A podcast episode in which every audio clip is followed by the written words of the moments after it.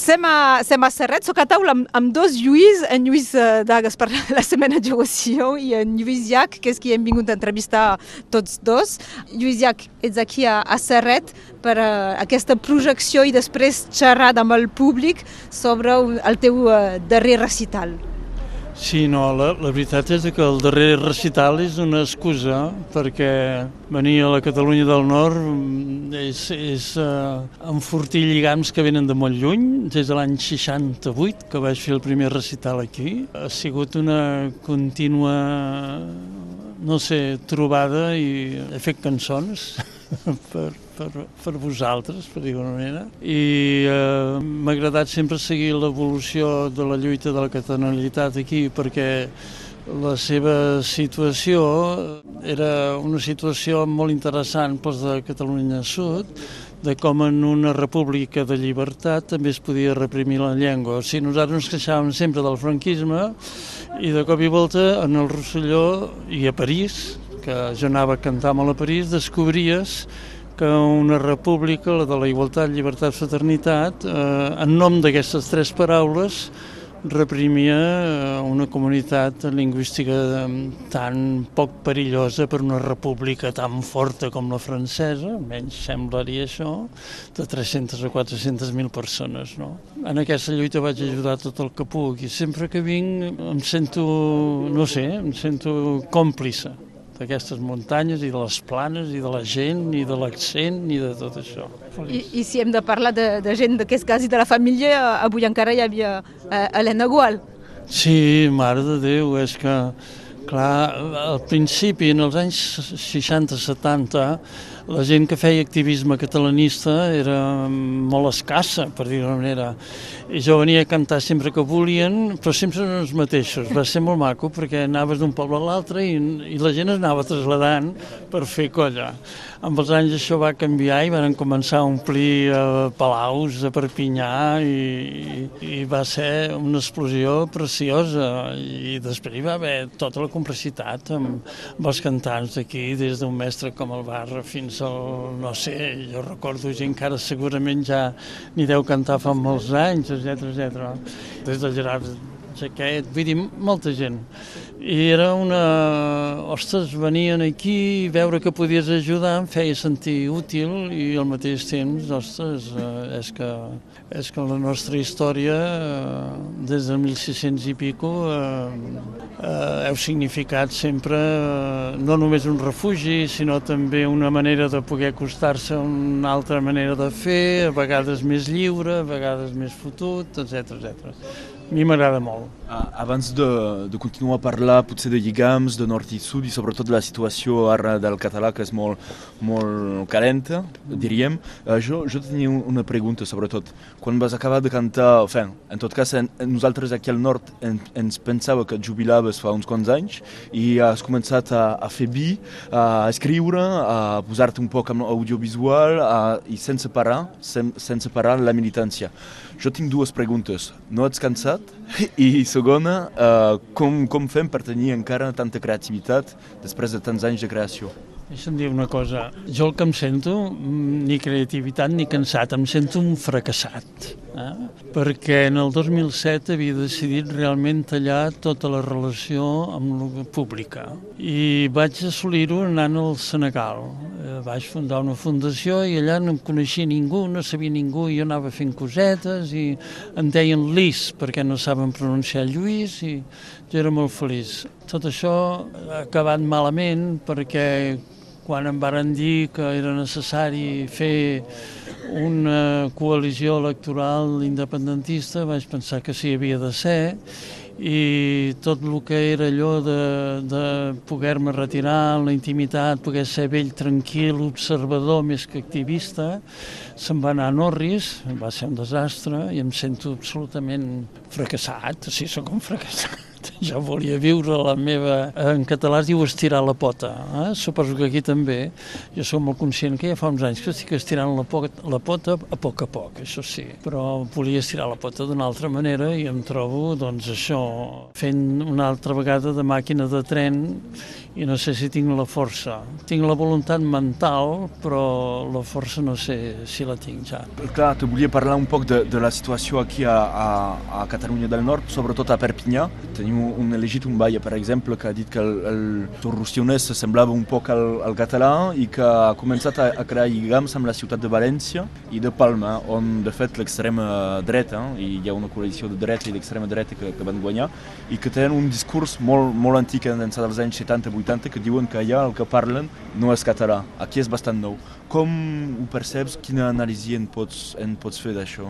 No, és que la brutalitat feixista normalment és d'una ignorància, vull dir, descomunal, o sigui, és que no es pot discutir, o sigui, a aquestes alçades de la ciència, de la literatura, de la cultura, de, vés a buscar per on vulguis, haver de discutir això és haver de, de parlar amb algú que, no sé, no hauria de dir paraules grosses, però que s'hauria de replantejar la seva educació, la seva formació, etc etc. hauria de llegir més, estudiar més, aprendre una mica més d'història. El probable, de més a més, és que aquest senyor de la història en sàpigui bastant. El que passa és que lluiten per esborrar-la i lluiten doncs, fent servir l'ignorància i la brutalitat. Dir això que diu aquest senyor no, no és digne d'un alcalde, però no perquè sigui de dretes o d'esquerres, perquè demostra una incultura que no mereix ser alcalde de Perpinyà, però bueno, escolta, Perpinyà ha sigut la capital de Catalunya Nord i moltes més coses durant el passat històric de, de, de Catalunya. Escolta, i, i,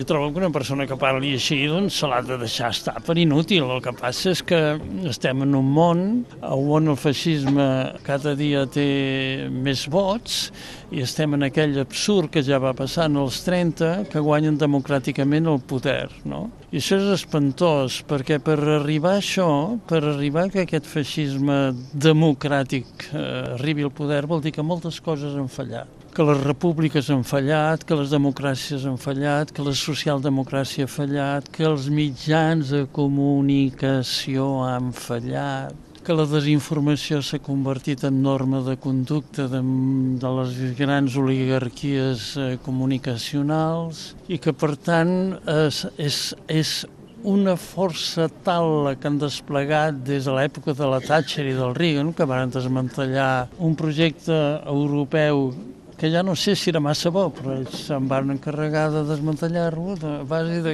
ja no els hi cal ni tan sols eh, les manifestacions feixistes dels anys 30, no, amb els vots en tenen prou, i amb els mitjans de comunicació. O sigui que hem fallat tota la societat i hem fallat amb, amb unes conseqüències històriques que estan per veure. Només voldria recordar, però, que després de la Segona Guerra Mundial, per l'escarment de la Segona Guerra Mundial i el que van representar tots els moviments feixistes, els francesos inclosos, si dit de passada, eh, estem caient en el mateix eh, 60 o 70 anys després. És, és terrorífic, eh? Vol dir que en som responsables tots. I no sé com ens en sortirem d'aquesta perquè a Espanya l'ultradreta, però és l'ultradreta, perquè ja el PP no es pot comparar amb, amb el que seria el centre-dreta francès. El PP ja seria el Le Pen. Doncs el Vox és més enllà del Le Pen, no? la, la Meloni a Itàlia fent l'animal, no? a Hongria, Polònia, etc etc. Per tant, aquell projecte que escarmentat pel feixisme i que va portar la Segona Guerra Mundial va intentar crear una Europa de convivència i de llibertats, se n'està anant a Norris. I ens trobem doncs, que un president de la República de Francesa ha d'agafar aspectes i valors quasi parafeixistes amb l'excusa de que així el feixisme no arribarà al poder. És una cosa que mai ha sortit bé, eh? perquè quan la socialdemocràcia ha intentat gestionar la dreta perquè la dreta no hagi de pujar al poder, sempre el que ha fet és netejar el camí perquè la dreta pugi al poder. Eh? Això, eh, l'estat espanyol n'és un exemple. Quan el senyor Felipe González, que és un dels eh, estafadors polítics més grans que hi ha a l'Europa dels últims sec, eh, decennis, admet fer el paper de la dreta a Espanya i fa terrorisme d'estat, amiguisme polític, nepotisme, etc etc. el que fa no és impedir que la dreta arribi al poder, sinó el que fa és ajudar-lo. I molt me temo que totes aquestes experiències, ja siguin les italianes, ja siguin les franceses, quan en contra de defensar els valors republicans i progressistes de veritat i demòcrates, ja no, de, ja no dic ni tan sols progressistes, demòcrates de la societat, ells diuen que ho fan per barrar el pas al feixisme i el que fan és facilitar, almenys això és el que diu l'experiència, i si no que algú em contradigui, amb dades històriques, el que fan és facilitar l'arribada del feixisme al poder. No sé quina és la solució. En tot cas, eh, de moment, fins ara, només se'ns permet una cosa que és votar cada quatre anys per fer dels nostres vots el que els hi passa pels collons, en perdó. Eh? Tanmateix és l'única eina que tenim, o sigui que això, mobilització als carrers i jo, sincerament, voldria un altre, un altre tipus de democràcia, un altre tipus d'Europa, entenc perfectament que els pagesos estiguin revoltats perquè la mundialització que no va afavorir mai, mai, mai Europa, sinó que va afavorir les grans oligarquies que ja les fronteres polítiques els hi molestaven per fer totes les bajanades i estafades econòmiques que van, doncs tot això és terrorífic justament el que et va fer tornar a la vida pública era d'entrar en una coalició per intentar mobilitzar la, la societat en, en general i com es lluita contra l'absenteisme? Doncs es lluita posant cara, o sigui, eh, seguint lluitant. Jo entenc que després d'un procés tan, tan viu i tan fort com el que varen viure a Catalunya Sud, entre el 10 i el 17, vull dir, després hi hagi, després de la gran onada ve el reflux. Sempre és així. Quan no vàrem saber continuar l'onada i el 27 d'octubre i el 10 d'octubre el president no va fer la DUI, etc etc etc. doncs varen permetre que comenci el refluxe. Ara estem en ple refluxe. Però podria dir una cosa. Primer, no conec ni un sol independentista dels nous, eh? no d'aquells independentistes dels anys, no, no. No conec un sol independentista dels anys 17 que m'hagi dit i veig centenars, milers de persones que m'hagi dit ho he deixat de ser-ho. Estan decebuts, estan emprenyats, estan indignats, però diuen tornem-hi, quan hi tornem jo hi seré. Alguns diuen jo em quedo a casa, però el dia que vagi de veritat seré el primer en sortir. Això jo crec que a Catalunya està molt generalitzat. Aleshores, què veiem? Una classe política totalment dividida, amb dos partits independentistes que tenen majoria absoluta al Parlament de Catalunya i que són incapaços, però incapaços, de fer ni tan sols un mínim programa de govern que cap d'uns mesos salta, perquè el president fot a fora el vicepresident i perquè aleshores hi ha un partit que se n'ha d'anar, perquè jo crec que des d'un punt de vista democràtic de marxar, un president electe l'exili que l'altre partit, el d'Esquerra Republicana, diu que sí que el respecta, però que fa tot el possible perquè la seva feina política no tingui cap resultat. Un Oriol Junqueras que es pensa que competeix amb un president a l'exili, jo crec que això és un gran error del senyor Junqueras, per això sovint demano la seva dimissió. I per tant la gent que estem per la independència ens trobem dient i quan, quan acabarà aquest espectacle desastrós que ens estan fent? la pitjor òpera bufa que s'ha fet en política des de, jo diria, que des del final de la Guerra Civil. O sigui, és un espectacle que estem veient. Aleshores el que hem de fer és intentar motivar des de baix, intentar refer les entitats objectivament socials, com l'Assemblea de Catalunya, que està en crisi, com Òmnium, que està molt bé però que està perdeta, com els CTRs, que estan patint una gran... reorganitzar-nos i entendre que quin és el xoc. Perquè una altra cosa de, del, del 2017 és que hem conegut de nou on està l'estat espanyol. Alguns, com jo mateix, pensaven que després de 40 anys de pseudodemocràcia, això sí, pseudo, però democràcia, ens pensàvem que l'estat espanyol no gosaria fer algunes coses. Jo mateix sortia a predicar que el dia que la Guàrdia Civil destrossés una urna, Europa entraria que això Europa no ho podria suportar i que Espanya hauria perdut. Europa ho ha suportat. França ha donat la seva eh, legitimitat des dels ministeris d'interiors quan ha calgut i només algunes jurisdiccions legals, eh, jurídiques, Alemanya, Itàlia, Bèlgica, han frenat eh, un cop d'estat jurídic, que és el que patim a l'estat espanyol. Catalans, francesos que m'escolteu i francesos que no sou catalans.